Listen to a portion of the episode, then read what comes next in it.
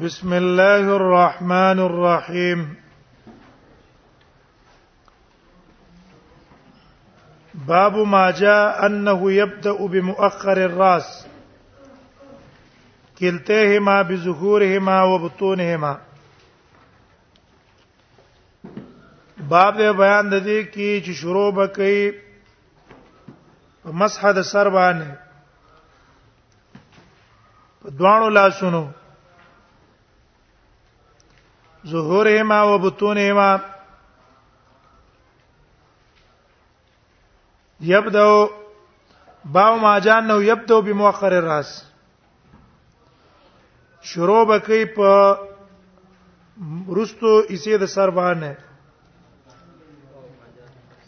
باب ما جاء في مسح الراس انه يبدا بمقدم الراس الى مؤخره باب د بیان د هغه حدیث کې چې راغله ده په مسح د سر کې چې شروع بکې د مخ کې سي د سر نه الى مؤخره رستو به بوزي مصنف رحم الله چې کله د مخ مسله کې تخلیل بیان کړه نو بیا په فرایزو کې د سر مسدا ومسحو برؤسکم نو وس د سر مس متعلق مسائل بیان دي چې هر سر با ټول سر مسکه او کنه بازو باندې اکتفا جایز ده دویم کیفیت د مسې څنګه ده دا ځوان اختلافي دي عند العلماء مقدار هم کیفیت هم چې د مسې کیفیت په کومه طریقه باندې ده امام ترمذی رحمه الله هغه ویل چې ټول سر مسه کول پکار دي او کیفیت دا ده چې مخکې لاس کېدا او شا طرف ته بوزه چټتا اله مؤخره مخکې نه به شروع کې چا طرف ته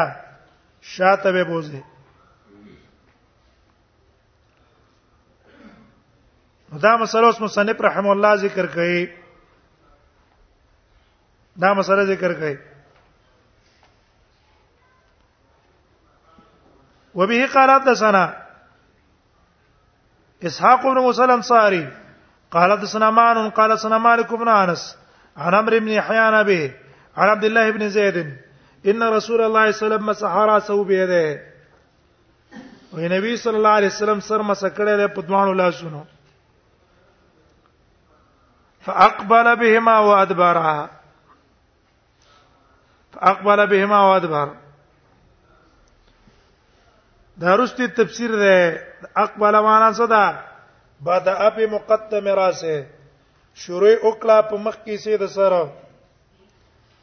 ثم ذهب بهما الى قفاه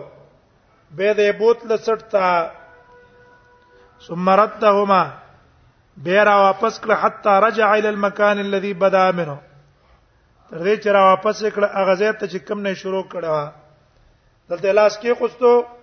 شاته بوتلو شاته نه مخ تراوستو هم به دې حدیث کې کیفیت نشتا چې نبی صلی الله علیه وسلم شاته بوتلو نو په کومه طریقې بوتلې نو فقهای احناف په دې کتابونو کې چې کومه طریقه ذکر شوه چې لاس بکی دی او دا درې ګوتې به د یو بل سره ولګي غټه ګوته او مسواکې ګوته دا بلری ساتي او د سی به بوزي او به هغه طرف به د سره تاو کی او دا ګوتې بلری ساتي به ورستو په غوګونو کې دا وې د کیفیت چرته په حدیثو کې ثابت نه ده بلکې علماو دې نه تعبیر کړه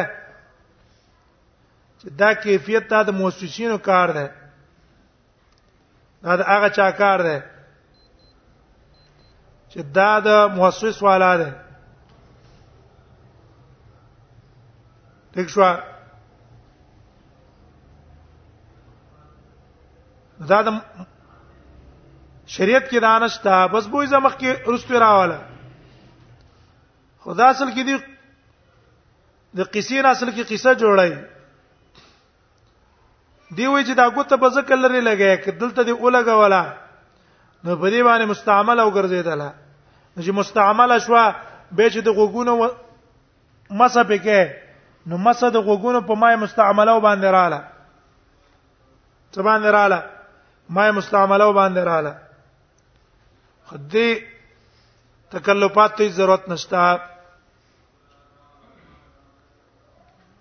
اوس دې دې سترا شي مسح راسه بيده نبی صلی الله علیه وسلم ټول سر مسکړه ده په دوانو لاسونو په دې کې ظاهر نه معلومیږي چې ټول سره مسکړه پر روایت ابن خزیمه کې همدا حدیث د عبد الله ابن زید المازنی دی دلته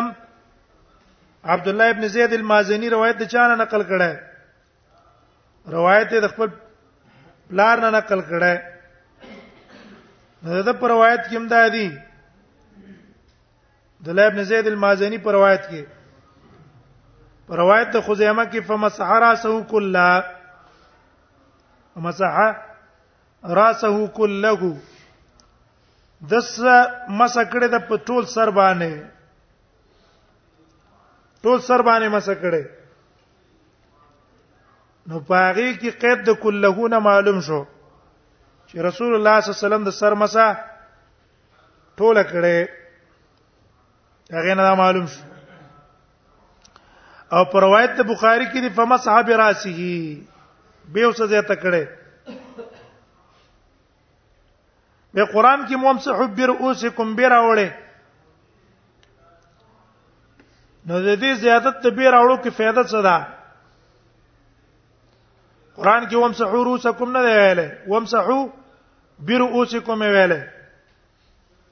د دې پیر اورلو د زیادت څه فائدہ ده نو یو قول خو قرطبي نقل کړه قرطبي سه وای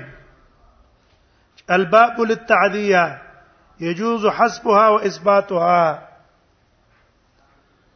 دا به د پار د تعدیت ته حذف هم جائز ده او اثبات هم جائز ده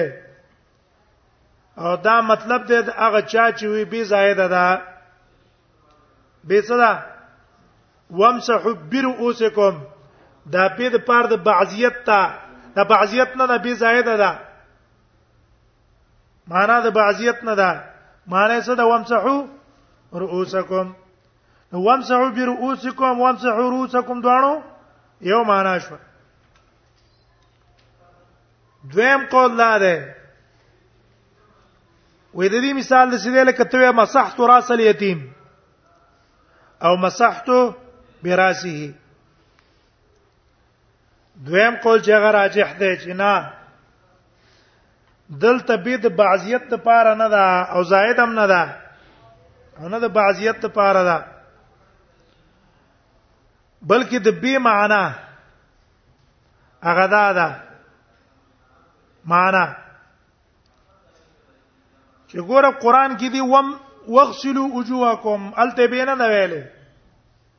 ايديکم ارجلکم کې بینه دا ویلې او په مسح کې بیا ویلې دا وامسحوا برؤسکم په مسح کې با راوړه او په غسل کې به رانه وړه ویګه کنه په مغسولاتو کې به رانه وړه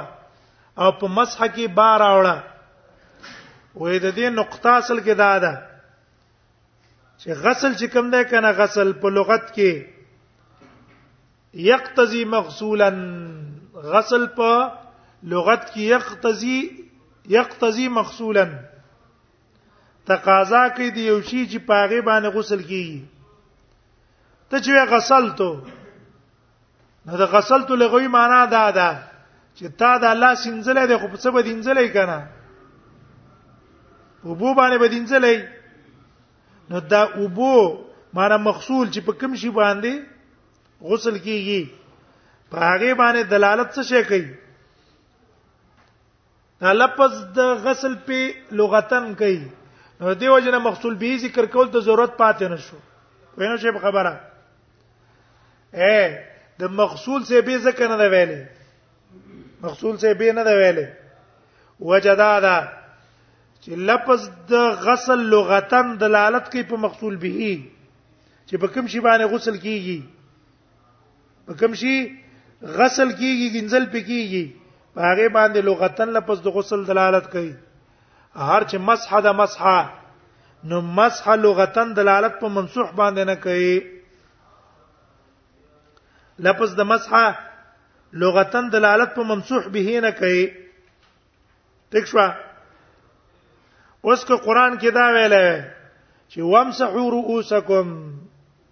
وامسحو رؤوسکم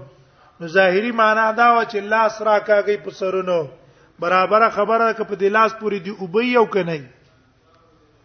ویګه کنه وامسحو رؤوسکم لغوی معنا څه ده سر باندې لاس راکاږه برابر خبره د وب پی او کنه ټیک شو نو لغت په اعتبار باندې مسح په منسوب به دلالت نکاو نو قران کې اوس ربي ذکر شو چې دا به دلالت کی په چا باندې په ممسوح به وامسحوا برؤسکم معنا څه ده مسو کې په سر باندې په کوم شي په اوبو باندې دا معنا شو بیر اوسکم مسحو کوي په لاس په دې اوبو بیر اوسکم په سرونو نو د دې نقطې د وجه نه به راوړه دیو جنا څوک وی به د الساق نه کنه الساق معنا څه شو همدغه معنا شوې د الساق معنا دا مطلب شو چې وامسحو برؤسکم ملصق کی دا وب په خپل سرونو په پورې پیوسته کوي دې وجه نه راوړې اوس مسح ویل کی څه ده مسح ویل کی امرار الید المبتلى على الشيء لون لاس په یوشي باندې راخل یا په سر باندې په سر باندې یا په بل شي سر څه ته وایي راس راس خو تاسو پیژنې منبت الشعر هغه زه در اخت راټو کېدل د اختا چې د اولی سي د تندینه واخلا ناسیه چته وای تر هغه څټ هغه نقرې پوره نقره د څټ نه ده کوم اډو کې چې شاته را خطر دي څټ نه وره دغه ځای پورې اطلاق د په دې باندې اطلاق د سر کیږي په دې باندې اطلاق د سر کیږي د قران کې لفظ د سر مطلق ذکر ده او په دې حدیثو کې به مسحر اسو اوس د علما اختلاف ده په مقدار واجبہ د مسح چې د سر مسح په اودس کې څونه فرض ده یو قول د احناف ده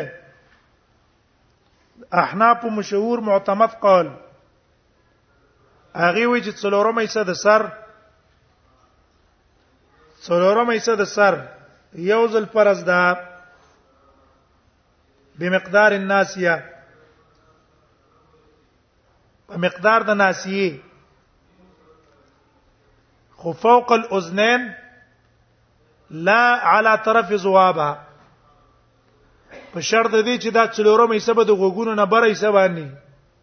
په دې لاندې ځوابې بنئ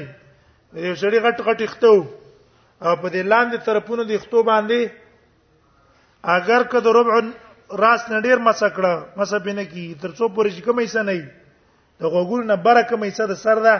په دې ځبانه څلورمې څه د سر مسونه کی دا د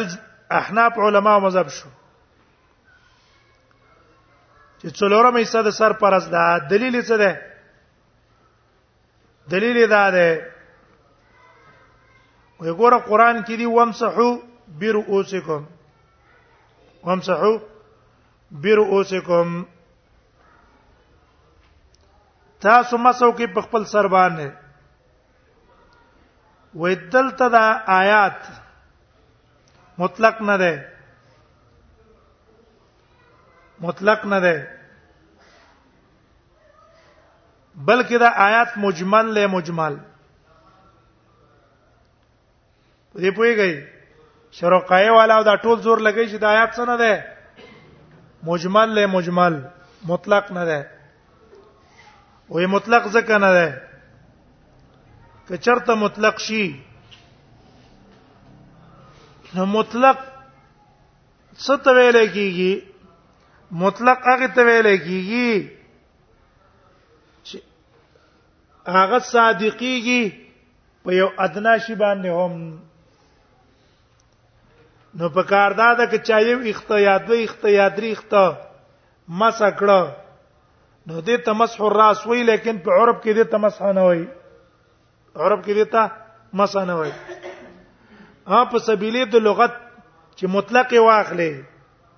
نو اطلاق د وجه نه دې تمسح وای لیکن په عرب کې دې تمسح نه وای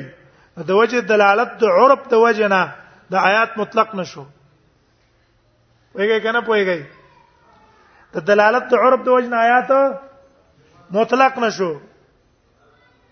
نو چې مطلق نشو کم یو شی شو مجمل شو سپی شي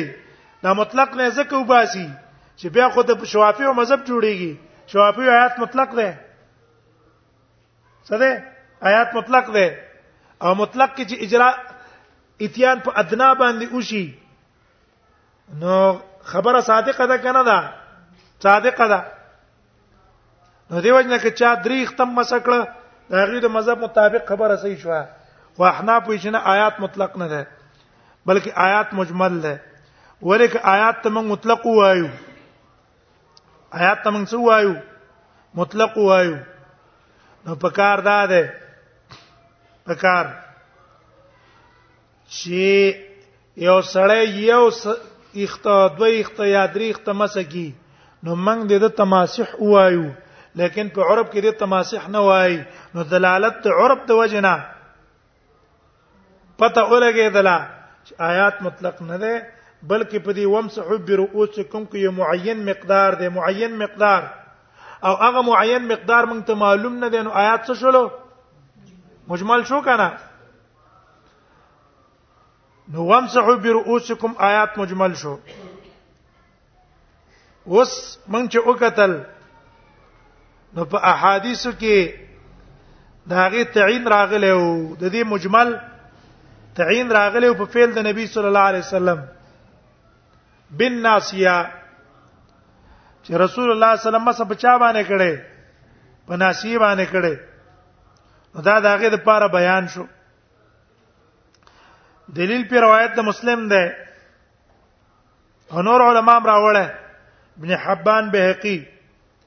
د مغیره ابن شعبه نه وی نبی صلی الله علیه وسلم او د سوکړلو نبی صلی الله علیه وسلم او د سوکړلو فمسح بناسیته وی نبی صلی الله علیه وسلم په ناسی باندې مسوکړه او په امامه باندې مسو کړه امامه والخفين وګوره دغه حدیث کې رال چې رسول الله صلی الله علیه وسلم په کوم ځای مسا کړي صرف په ناسی خو پته ولګېدل چې مقدار د ناسی فرض دی چې هغه مقدر ده بربع الراس دا ناسی څونه حصہ ده سر څلورمه حصہ ده کنه ځکه منګه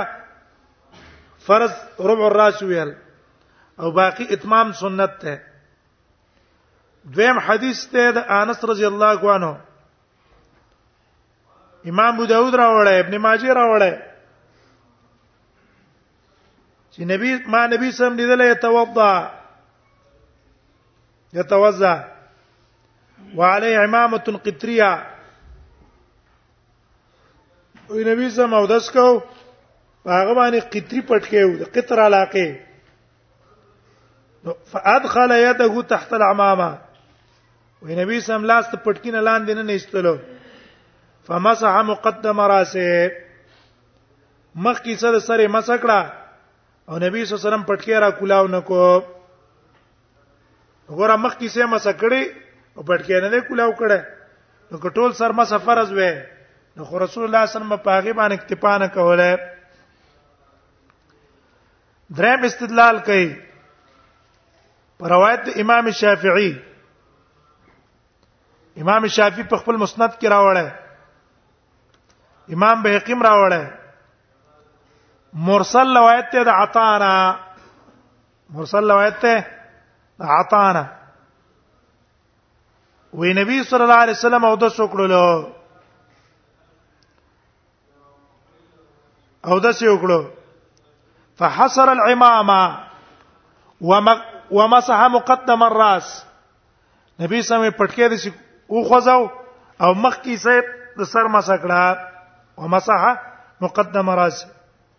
او قال ناسيته بالماء سلورم استدلال کړه په عمل د عبد الله ابن عمر چې نافع نقل کړه چې عبد الله ابن عمر چې کان يمسح مقدم راسه مره واحده ومخکې سبه یو ځل مسح کوله ابن ابي شيبه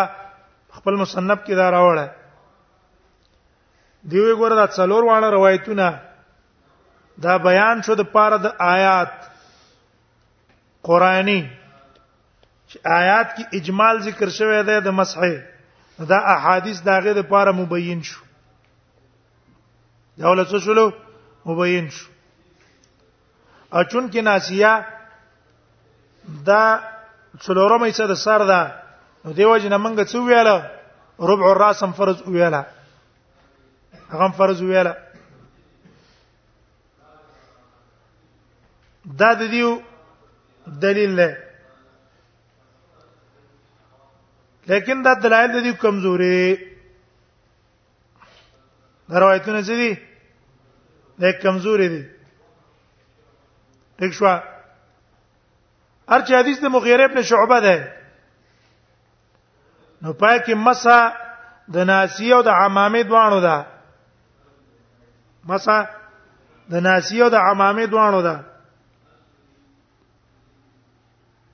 نو دا د دې دعوت نه ثابتېږي دعوه به دی ولا ثابت شوه وي چې رسول الله صلی الله علیه وسلم په غیر د پټکی نه اکتفا په چا باندې کړه وي په ناسیه باندې کړه وي دا خو پټکی دی په ناسیه مسه کړه د اتمام په پټکی کړه ٹھیک شو بلکې دا حدیث دلیل له لپاره د هغه علماو چې هغه مسا د څلورم د څلورمې سي د ټولې سي فرض وای ولیکه د ټولې سي مسا فرض نه وای نو رسول الله صلی الله علیه وسلم اتمام په عمامه کولای نه او چې ناسی باندې مسا وکړه اتمام په عمامه وکړو دا دلیل دی د فرضیت پاتې شو حدیث د انس والا حدیث د انس حدیث د انس سره د دې مسح الراس سره تعلق نه لري الته مسح د په امامه او مسح په امامه جایز ده ولې درې طریقې دي یو طریقه دا چې په سر دې پټکې نه نو په تا باندې ټول سر مسه فرض ده دویم صورت ته ده چې پټکې دشتا سلورم یې سبانه مسو کا باقی اتمام پیو کا د وجه د حدیث د انس او حدیث د مغیره ابن شعبہ د وجه نه او هر چې حدیث د مسند شافعی د عطا والا د خمر صلی روایت ته بل پاکم پټکې ده فحسرا پټکې کولاو کړي دي سوچت کړي ناسیه باندې کړي دي او باقی تمامه پچا کړي پټکی کړي زمنګ تاسو نه ځا خو په صورت کې ده چې سره پټکې نه او درېمه طریقه دا ده چې صرف په خالص په پټکی باندې مسو کې هغه د حدیث دانس کې راځي ایم صحو علی العصائب والتساخین کې هغه جدا صورت ته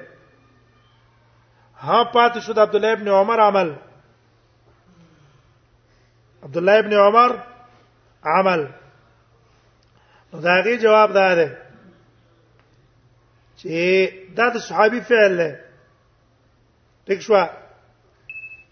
دا داغه فعل دی دیو جنا مولا علی قاری دغه ابن قیم رحم الله وای ابن قیم ولم يصح عنه صلى الله عليه وسلم في حديث واحد وې د نبی صلی الله علیه وسلم چرته په یو حدیث کې دانه دي ثابت انه اقتصر على مسح بعض راسه البتتا چې دا اکتفا صرف په سره د باج سر باندې کړی اس کلا صرف په سر باندې اکتفا د کړی په لګي سوانه بلکې ټول سر مس نبی سلام کړی یا په عمامه باندې کړی او یا څه حصہ د سر او باقی په اتمام په عمامه دارنګ زرقانی سی هم وای ولم ينقل عنه انه مسح بعض راسه الا في حديث المغيره او چرته د نبی سم نه دی دا نقل چې هغه په بازي سیر سر باندې مسه کړي مګر په حدیث د مغیره کې چې انه مسح على ناسیته و عمامته چې نبی سم مسه په ناسی او په امامه باندې کړي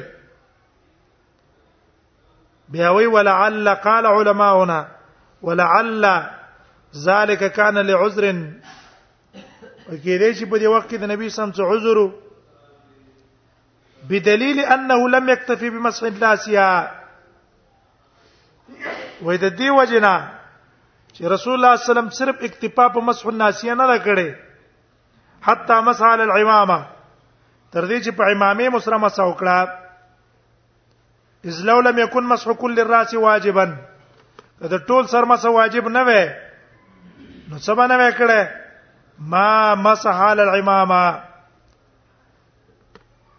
په امامه باندې به مسنه وکړه نو دې وجنه د دې دا کم استدلالات چې په دې حدیث باندې دي د پاره د فرضیت د ربع الراس او یا د ناسی د پاره دا کمزوري دي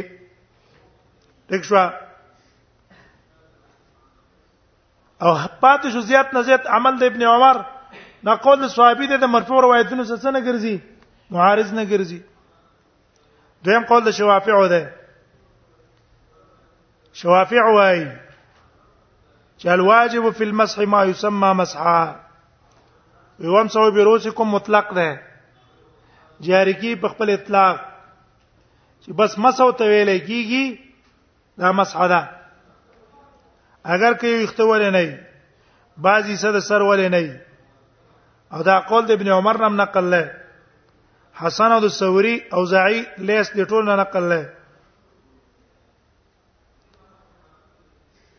حافظ ابن حجر امام شافعی د پاره دلیل ویله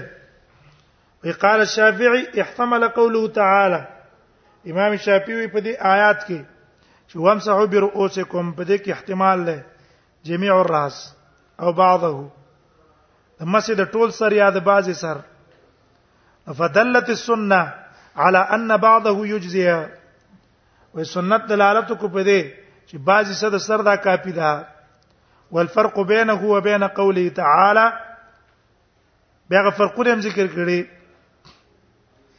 دا د دې دلیل دی چې بعضی د بعضیت د پاره ده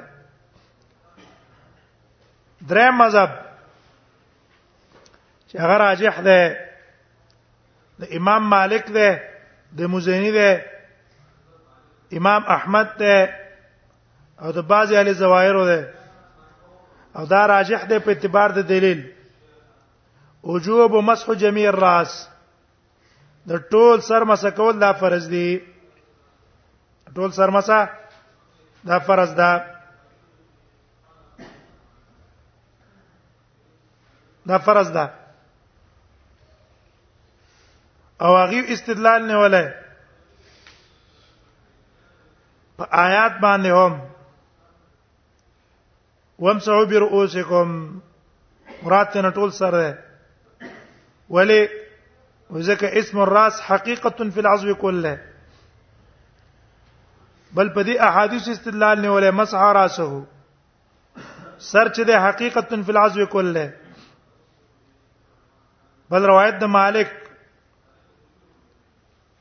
د بخاری مسلم پر روایت کې د عبد الله ابن زید ندی ثم مسح راسه بيده فاقبل بهما وادبر اقبل بهما وادبر دا دلیل دی په دې چې ټول سره مسح کړه بل روایت د بخاری کې دی پای کې دی ومسح براسه ما اقبل وادبر اقبل او ادبر بل حدیث د مغیره چې مخکې تیر شو مسحا بناسیتی وعلى العمامه ورکه ټول سر ما سفر از نه رسول الله سم اتمام په عمامه نه کوله بل هغه حدیث کې تیر شو مسحرا سو کله هغه نه معلوم شو چې رسول الله سم په ټول سر باندې مسکړه نو دیو جن دغه مذهب راجح شو چې ټول سرمسا دا فرض ده اکتفا په لک صحیح نه ده ان کیفیت بیا لاندې بیانوم ان شاء الله